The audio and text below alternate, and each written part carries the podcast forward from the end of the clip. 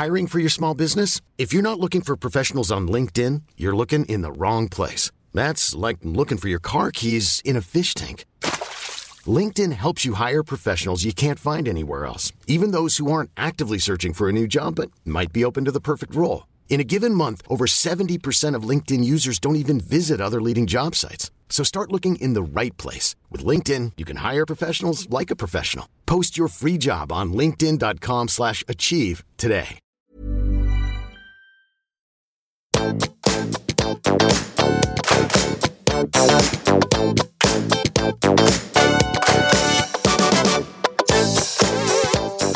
alle sammen, og velkommen tilbake til podkasten Karriereveiledning med Elaine. Ukens tema er emosjonell modenhet og valgpsykologi, eller beslutningspsykologi. Og vet du hva? I dag så skal denne podkastepisoden her være ment som en inspirasjon, som en sånn liten nudge, som noe du kan ta med deg, som kan senke skuldra dine lite grann. Rett og slett fordi at det er sjukt mye skriverier og det ene med det andre, som jeg også bidrar til gjennom at jeg både lager den podkasten her, men også har eh, delt noen tanker og refleksjoner om hvordan man skal velge utdanning, og hva man skal velge, og hva som er viktig å tenke på. Så denne her er litt mer sånn nå lener vi oss tilbake, og så lytter vi, og så ser vi om det er noe vi kan eh, plukke med oss. Fordi det første, når det gjelder emosjonell modenhet, det er ikke sånn at når du blir 30, så får du emosjonell modenhet. Dette kan du oppnå eller oppleve, eller det er egentlig ikke noe du kan oppnå. Men emosjonelt modne mennesker de har noen ting som emosjonelt umodne mennesker ikke helt har ennå. Og det handler i stor grad om å ha en sånn egenomsorg og en respekt og en empati både for seg selv, først og fremst, og samtidig selvfølgelig også for andre. Men det handler om den egenomsorgen og dette med å kunne tåle seg sjøl, tåle sine egne følelser, tåle usikkerhet. Eh, og man kan være emosjonelt moden når man er 17, man kan være det først når man er 55. Det er ikke noe automatikk i at når du beveger deg over en viss alder, som jeg sa, så blir du emosjonelt moden. Men dette her er også noe som er mangefasettert, og selvfølgelig også personlig. Men hensikten med å rette søkelyset på emosjonell modenhet handler om at jo mer emosjonelt moden du er, jo mer du blir i stand til å forstå eller kanskje akseptere også hva det er som gjør at du føler som du føler, og bli litt nysgjerrig på hvor ting kommer fra, og kanskje kan på en måte se deg selv i litt sånn helikopterperspektiv, så blir det lettere å forvalte følelsene dine, spesielt når du står f.eks. overfor karrierevalg eller utdanningsvalg. Du kan koble på det rasjonelle, og du kan f.eks. koble på det emosjonelle. Og det er jo sånn at vi tolker jo verden hele tiden. Vi lever jo i denne indre verden vår, og så har vi den ytre verden. Og vi tolker det meste av det vi opplever, og skaper narrativer. Dette har jeg snakket om før også. At eh, når vi f.eks. leser om en utdanning, så er vi ganske kjappe til å skape noen narrativer eller historier om hva slags type utdanning dette kan være. Er det noe som blir ansett å være en suksessfull utdanning? Er det lett å få jobb? Det henger, hekter seg masse på for, masse forestillinger da, om de ulike tingene vi kanskje leser eller får høre om. Og nå skal jeg si en ting som er litt kjipt å høre, men verden dreier seg på en måte ikke bestandig om deg. Og det, hvorfor sier jeg det? For jeg ser ofte, i hvert fall i de menneskene jeg har jobbet med, når man står overfor karrierevalg, at hvis man skifter fokus litt fra åh, hva, det, hva skal jeg velge, og hva skal jeg gjøre, og hva er det som er viktig for meg, over til hva kan jeg bidra med i samfunnet? Hva er det jeg opplever mangler i samfunnet? Hva er det samfunnet trenger? Hva kan jeg få betalt for? Hvor kan jeg bruke interessene mine til det beste for andre? Hvordan kan jeg bruke kreativiteten min? Hvordan kan jeg bruke de analytiske evnene? Ved å kunne stille seg selv litt andre spørsmål, så vil man også kunne være med på å utvikle en emosjonell modenhet når det kommer til bl.a. å stå overfor karrierevalg. Og så er det jo noe med det, og dette har jeg sagt før dette med å ha en grunnleggende respekt for seg sjøl og kjenne på at det er greit å ikke vite. Og ordet respekt, det betyr å se en gang til. Så det vil si at kanskje når vi står overfor valg av utdanning eller valg av karriere, at det er kanskje greit å rette et ekstra blikk innover på hva vi egentlig tenker. Hvor kommer de tankene fra? Er det våre tanker, eller er det noe vi har fått fra eh, noen vi har snakket med, noe vi har lest, noe vi har sett i mediene. Hva er mine følelser, og hva er det på en måte jeg tar inn av hva alle andre føler og tenker og mener om dette her? Det kan være én viktig måte å navigere på, sånn at du får sett en ekstra gang. For dette her skal være ditt valg, og det er ifølge I hvert fall slik jeg ser det, ikke noe klar, lineær oppskrift for hvordan du skal komme fram til det perfekte studiet. Og så er det litt interessant, da, for hvis du tenker deg fem år fram i tid, da ikke sant? Nå er du kanskje 18-22, kanskje du er 50 eh, og skal ta karrierevalg eller utdanningsvalg. Eller om du spoler to år frem i tid.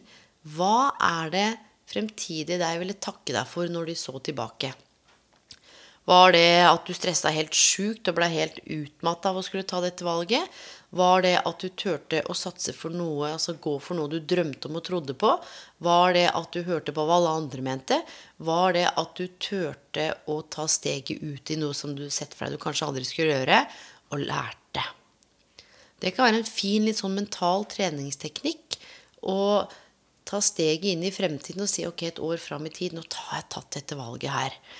Åh, hva kan jeg takke meg sjøl for, eller hva er det jeg tror jeg tenker og føler da? At man kan leke litt med de ulike tidsperspektivene.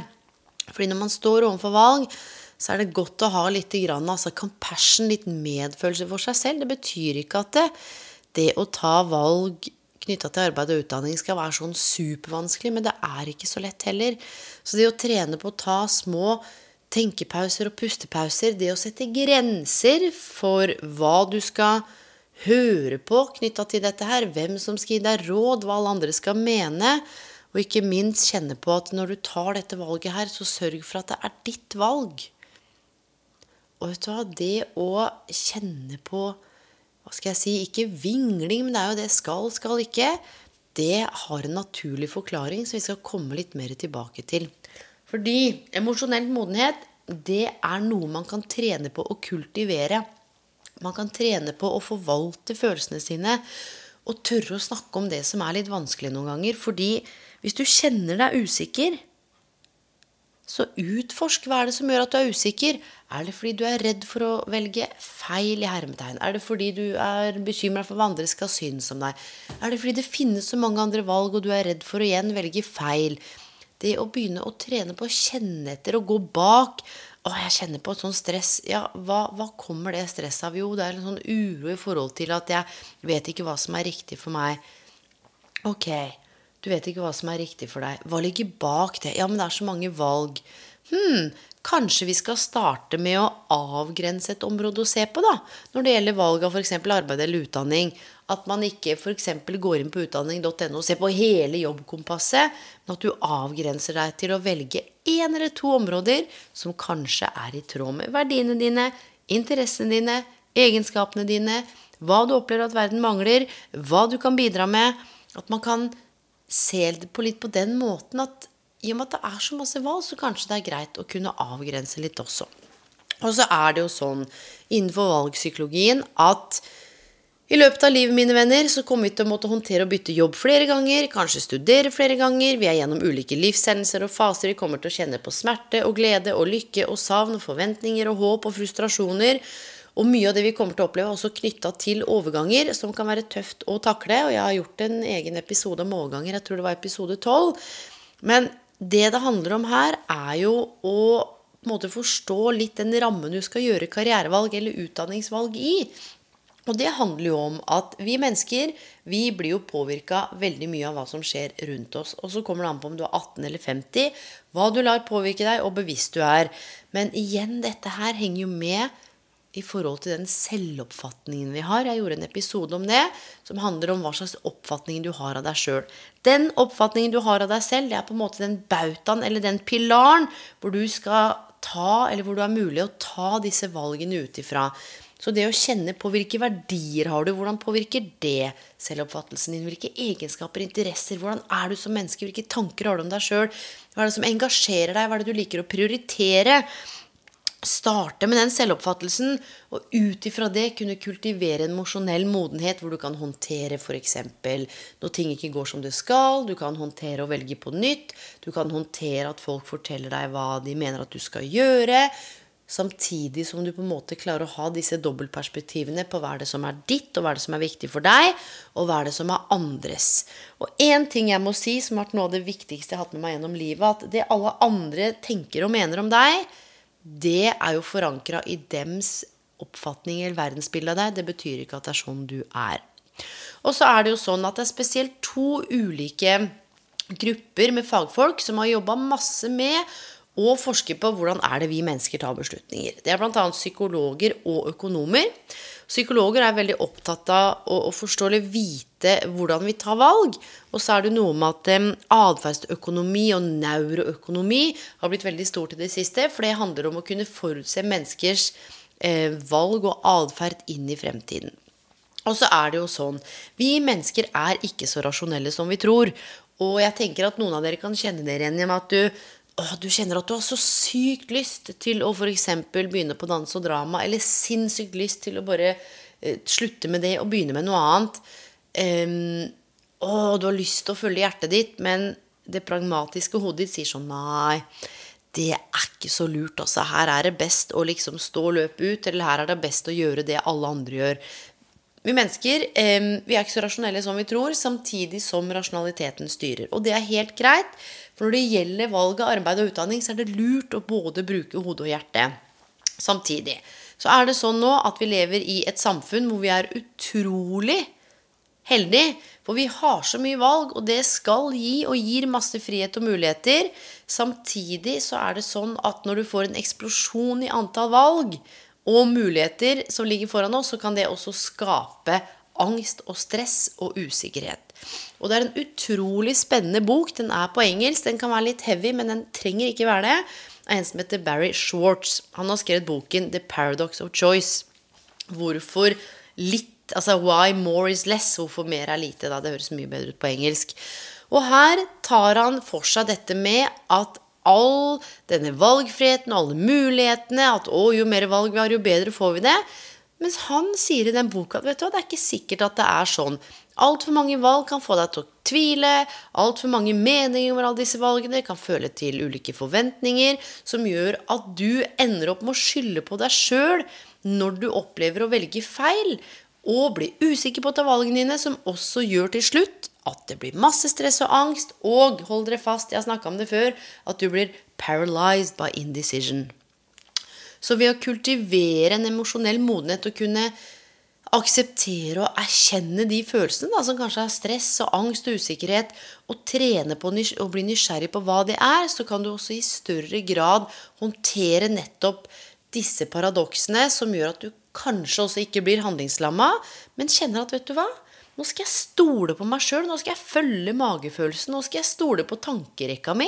Litt sånn god, gammeldags. Nå ser vi åssen det går, og så tar jeg rett og slett og prøver. Uten at alle trenger å mene så mye. Det kan være en fin måte å trene på å gå litt ut av komfortsonen. Og nå er det ikke sånn at alle valg av utdanning og karriere handler om å gå ut av komfortsonen, men kanskje det er å gå ut av komfortsonen for deg å skulle ta det ene valget knytta til det du har drømt om. Ergo så har du fått utvikla kanskje en emosjonell modenhet på at oi, det er noe som holder meg tilbake. Jeg blir nysgjerrig på hva det er. Jo, jeg frykt for ikke lykkes. Hm, det gir meg ubehagelige følelser. Det kan jeg stå i. Og høres det veldig mye lettere ut enn det der, men bare for å liksom få, få rammen på det, så kanskje man tør å ta det valget istedenfor å bli paralysert. Og det er jo sånn at ja, du kan ta 10 000 valg, og alle de valgene vil gi 10 000 ulike utfall. Sannheten er at vi kan ikke kontrollere det som kommer til å skje. Det kan være at du hater studiet, elsker studiet, får nye venner på studiet, hopper av, fortsetter, tar en doktorgrad. Hvem veit. Men det som er fascinerende, er at det er gjort masse ulik forskning, og jeg snakka om forskning før som handla om dette med valg av syltetøy. Hvor det var eh, jeg tror det var 24 bokser med syltetøy, og kundene i butikken klarte ikke velge fordi man var så redd for at man skulle gå glipp av alle disse smakene. Så reduserte de da antall syltetøyprøver med ulike smaker til seks. Og da var det jo et mye høyere antall som kjøpte, fordi da var det liksom var det 18 syltetøyer da, som man liksom slapp å kjenne på at man gikk glipp av. Og samme var det også gjort. Det var en gruppe som fikk utdelt en boks med seks sjokoladebiter, og en annen gruppe som fikk en boks med 30 biter. Og det som er så fascinerende, at de som fikk den boksen med de få, de var mye mer fornøyde enn de som fikk eh, den boksen med 30, og syntes også at det smakte mye bedre. For det Schwartz peker på, er at blir det altfor mange valg uten å på en måte bli trent opp i emosjonell modenhet og dette med å være robust og resilient og vite at ok, det går an å bomme eller velge feil eller kalle hva det vil, men livet er på en måte ikke over. For mange valg kan være med å påvirke graden av tilfredsstillhet. Altså, man grubler, og man styrer, og man blir usikker og bruker masse tid på Var dette riktig? Skulle jeg valgt noe annet? Og så går den indre dialogen, og så blir du sliten av deg sjøl. Og et annet aspekt er når det er så mange valg, samtidig som det er en gave gure land. Det er mange mennesker i mange land som ikke er i nærheten og dupper lilletåa i noe av det hva skal jeg si overveldende vi har av valg og frihet her. Så det er noe med å sette pris på det. Men det er også tøft for mange å sette seg inn i alle disse alternativene som fins. Så her er kanskje noe av den viktigste jobben å trene på å avgrense verdiene, interessene, bransjene, yrkene, jobbene, noen av de tingene som trigger noe i deg. Hvis ikke så får man en sånn slags rastløshet da, som gjør at det blir vanskelig å hva skal jeg si, finne seg til ro med kanskje valget du har tatt. At man hele tiden ser etter nye muligheter, er redd for hva man går glipp av, og tenker at gresset er mye grønnere på den andre siden. Nå valgte jeg økonomi, men hvorfor gjorde jeg ikke det isteden? Og har du tatt et valg, stå i det valget, gjør ferdig årsenheten din, eller se om du kan f.eks. bytte over og få omgjort noe av det du allerede har studert inn i det nye studiet. Det er mange muligheter her. Og så er det jo sånn, da, at Swartz peker på at det er to typer mennesker, og dette er det jeg har lyst til å få fram og koble opp mot emosjonell modenhet knytta til valg av karriere og utdanning. Han klassifiserer eller danner to kategorier. Den ene kategorien av mennesker som på en måte skal ta valg, det er de som er maksimerere. Og så er det de som er um, satisfiers, altså de som på en måte er litt mer tilfredse. Og så er det sånn da at de menneskene som er mer tilfredse, altså de som er i den kategorien, de har mer evne til å slå seg til ro med Ja, dette valget her var jo helt greit. Kunne sikkert ha valgt noe annet, men nå har jeg valgt dette her, så nå forholder jeg meg til det. De bruker mye mindre tid på å liksom se på alle alternativene i etterkant og på en måte straffe seg sjøl. Liksom, 'Hva kunne jeg gjort annerledes?' Åh, 'Hvorfor gjorde jeg ikke sånn?' Så de er generelt mer opptatt av å akseptere der de er, og gjøre det beste ut av der de er. Og så har du den gruppa da som man kaller maksimerere. Og det er de som syns det er utfordrende å på en måte slappe av eller koble av hodet i forhold til at Åh, er dette bra nok? Kunne jeg valgt noe annet? Kunne vært noe bedre? Kunne jeg fått en bedre utdanning? Kunne jeg tatt det valget? Bla, bla, bla, bla. bla. Altså, man må nesten prøve å ta det beste valget i enhver situasjon. Og det krever jo at du bruker enormt mye tid på å sette alle utdanningsvalgene og alle jobbene og alt som fins, opp mot hverandre, hvor du kalkulerer, du grubler, du tenker og prøver å se for deg alle mulige utfall før du velger. Og så lander du endelig på et valg, da. Men så blir du i tvil. Var dette riktig? Skulle ha gjort noe annet. Man er kanskje ikke så flink til å gi seg selv kred, og her kommer den emosjonelle modenheten inn. Gi seg selv kred, og rett og slett klappe seg på skulderen og være stolt av at man har kommet fram til et valg det er en sentral greie. Når du nå har tatt et valg, stå i det valget, trene på å stå i det. Selvfølgelig vil man kjenne på kunne jeg gjort noe annerledes. Ja, nei, kanskje gjør det opp en liten evaluering. Men vær litt ålreit med deg sjøl, da. Vær litt grei med deg sjøl. Og det er dette her jeg har lyst til å få fram. Dette er ikke noe sånn vitenskapsteoretisk forankra podkast. Vi skal gå gjennom Alt som er gjort av litteratur på valg og beslutning, psykologi og emosjonell modenhet. Dette er ment som inspirasjon, så du kan lese deg opp om emosjonell modenhet. Så du kan eh, laste ned lydbøker om valg, eller hvis det er ting du er interessert i. Men det er også sånn i denne mengden av overflod av artikler og links og kliks og alt som fins i forhold til hvordan du skal velge, så er det menneske som skal foreta valget på egne vegne, og det er deg. Og det kan kjennes ut som det er et grufullt valg noen ganger, for det hviler så tungt på dine skuldre. Men emosjonell modenhet handler også om å tåle å stå i det usikre. Ikke helt ta for seg hva som skjer når du begynner, men rett og slett trene på å ta ett skritt av gangen. Og da er det jo kanskje greit å ta ett skritt i den retningen som du kjenner er riktig og viktig for deg. Og så kan du si ja, men jeg veit jo ikke hva jeg vil. Jeg aner ikke hva interessene mine er, hva egenskapene er. Det kan jo selvfølgelig være greit å snakke med noen. Og jeg har sagt det flere ganger at karriereveiledning.no tilbyr gratis karriereveiledning. Og dette her er ikke noe som jeg tjener noe på, dette er ingen som tjener noen ting på. Dette er offentlig gjennom Kompetanse Norge. Det er gratis for deg, du kan være anonym. Det er en fantastisk tjeneste. Du kan chatte, du kan ringe på telefonen. Men jeg vil allikevel, selv om jeg er karriereveileder og lever bl.a. av å være karriereveileder og holde foredrag og alt det rare jeg gjør, så vil jeg allikevel alltid i møte med mennesker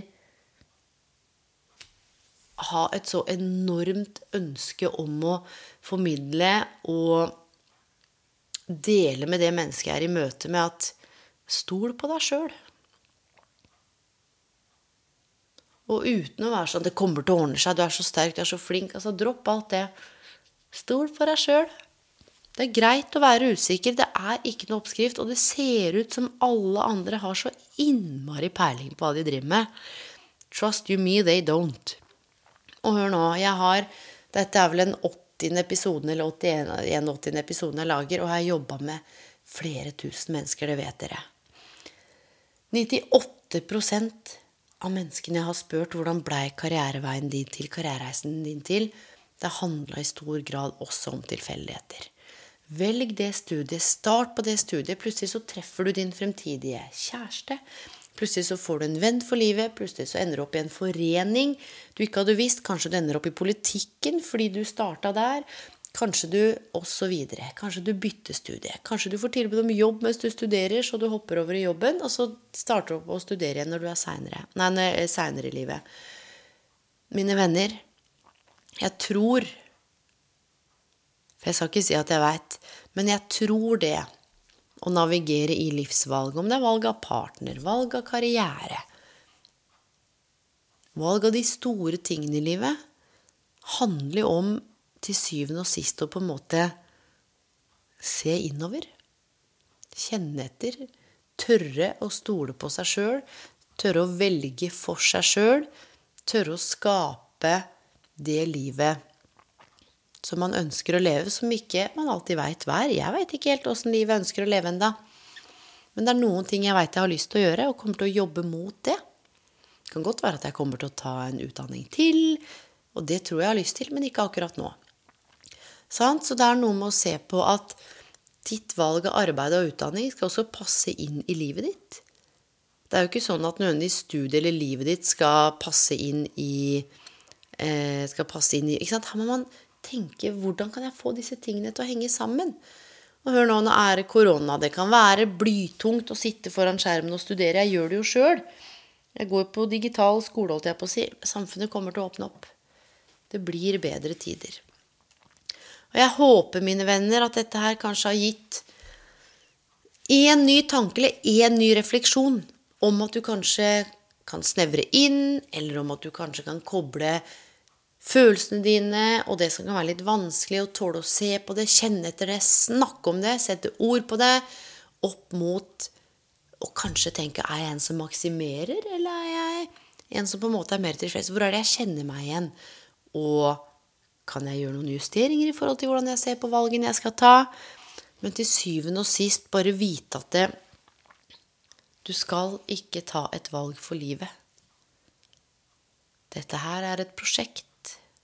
Du skal ta et valg i en eller annen retning som kan være riktig og viktig for deg, og det kommer til å komme masse andre spennende valg på bakgrunn av det valget du kanskje foretar akkurat nå eller i fremtiden. Og med det, mine venner, så håper jeg at vi har fått litt ro i sjela. Jeg kjenner i hvert fall Jeg blir jo 38 nå. Det skulle ta meg nøyaktig 37 og et halvt år å lande litt som menneske. Men så er det et sitat av Jakob Weidemann som sier det tar et helt liv å bli menneske. Men det skulle ta meg 37 og et halvt år å få litt ro. Og virkelig kultivere den, altså, ja, den emosjonelle modigheten og det å tillate meg å, å, ha rom til å navigere og ta de valgene som er riktige og viktige for meg. Dette er ikke gjort på et blunk. Jeg kommer til å kjenne på masse rart fremover, men jeg veit at jeg i hvert fall er i stand til å romme og navigere og handle ut ifra det som er aller mest viktig og riktig for meg. Og så tenker jeg at hvis det er noen andre som har noen meninger om hva jeg burde, skulle ha gjort, måtte ha gjort, så kan jeg lytte til det, og så kan jeg være nysgjerrig til hva som gjør at det er det menneskets tanker. Men det reflekterer jo ikke nødvendigvis hvem jeg er. Så dette er kompliserte, mangefasetterte greier. Men vi kan skrelle bort mye av bullshitet rundt det, og rett og slett bare se på det som det er. Du skal ta ett valg, en del av livet ditt, som kommer til å gi en ny retning, som kommer til å bygge på en annen retning.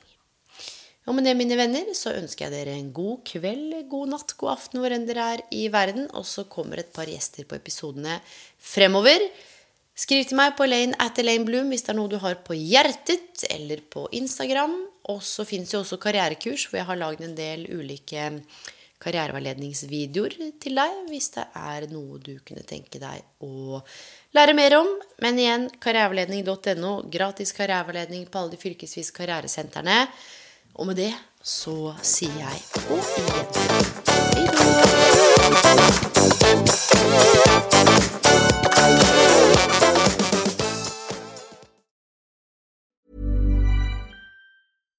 My business used to be weighed down by the complexities of in person payments.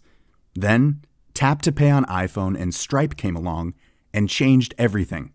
With Tap to Pay on iPhone and Stripe, I streamlined my payment process effortlessly. Now I can accept in person, contactless payments right from my iPhone. No extra hardware required. What's truly remarkable is how I can cater to all of my customers' payment preferences. Whether they're using cards, Apple Pay, or other digital wallets, Tap to Pay on iPhone and Stripe ensure a smooth checkout experience every time. And it's not just me. Stripe helps businesses of all sizes, from local markets to global retailers, scale quickly and stay agile. To learn how Tap to Pay on iPhone and Stripe can help grow your revenue and reach, visit stripe.com slash tap iPhone. Hold up. What was that? Boring. No flavor. That was as bad as those leftovers you ate all week. Kiki Palmer here, and it's time to say hello to something fresh and guilt-free. Hello Fresh. Jazz up dinner with pecan-crusted chicken or garlic butter shrimp scampi. Now that's music to my mouth. Hello Fresh. Let's get this dinner party started. Discover all the delicious possibilities at hellofresh.com.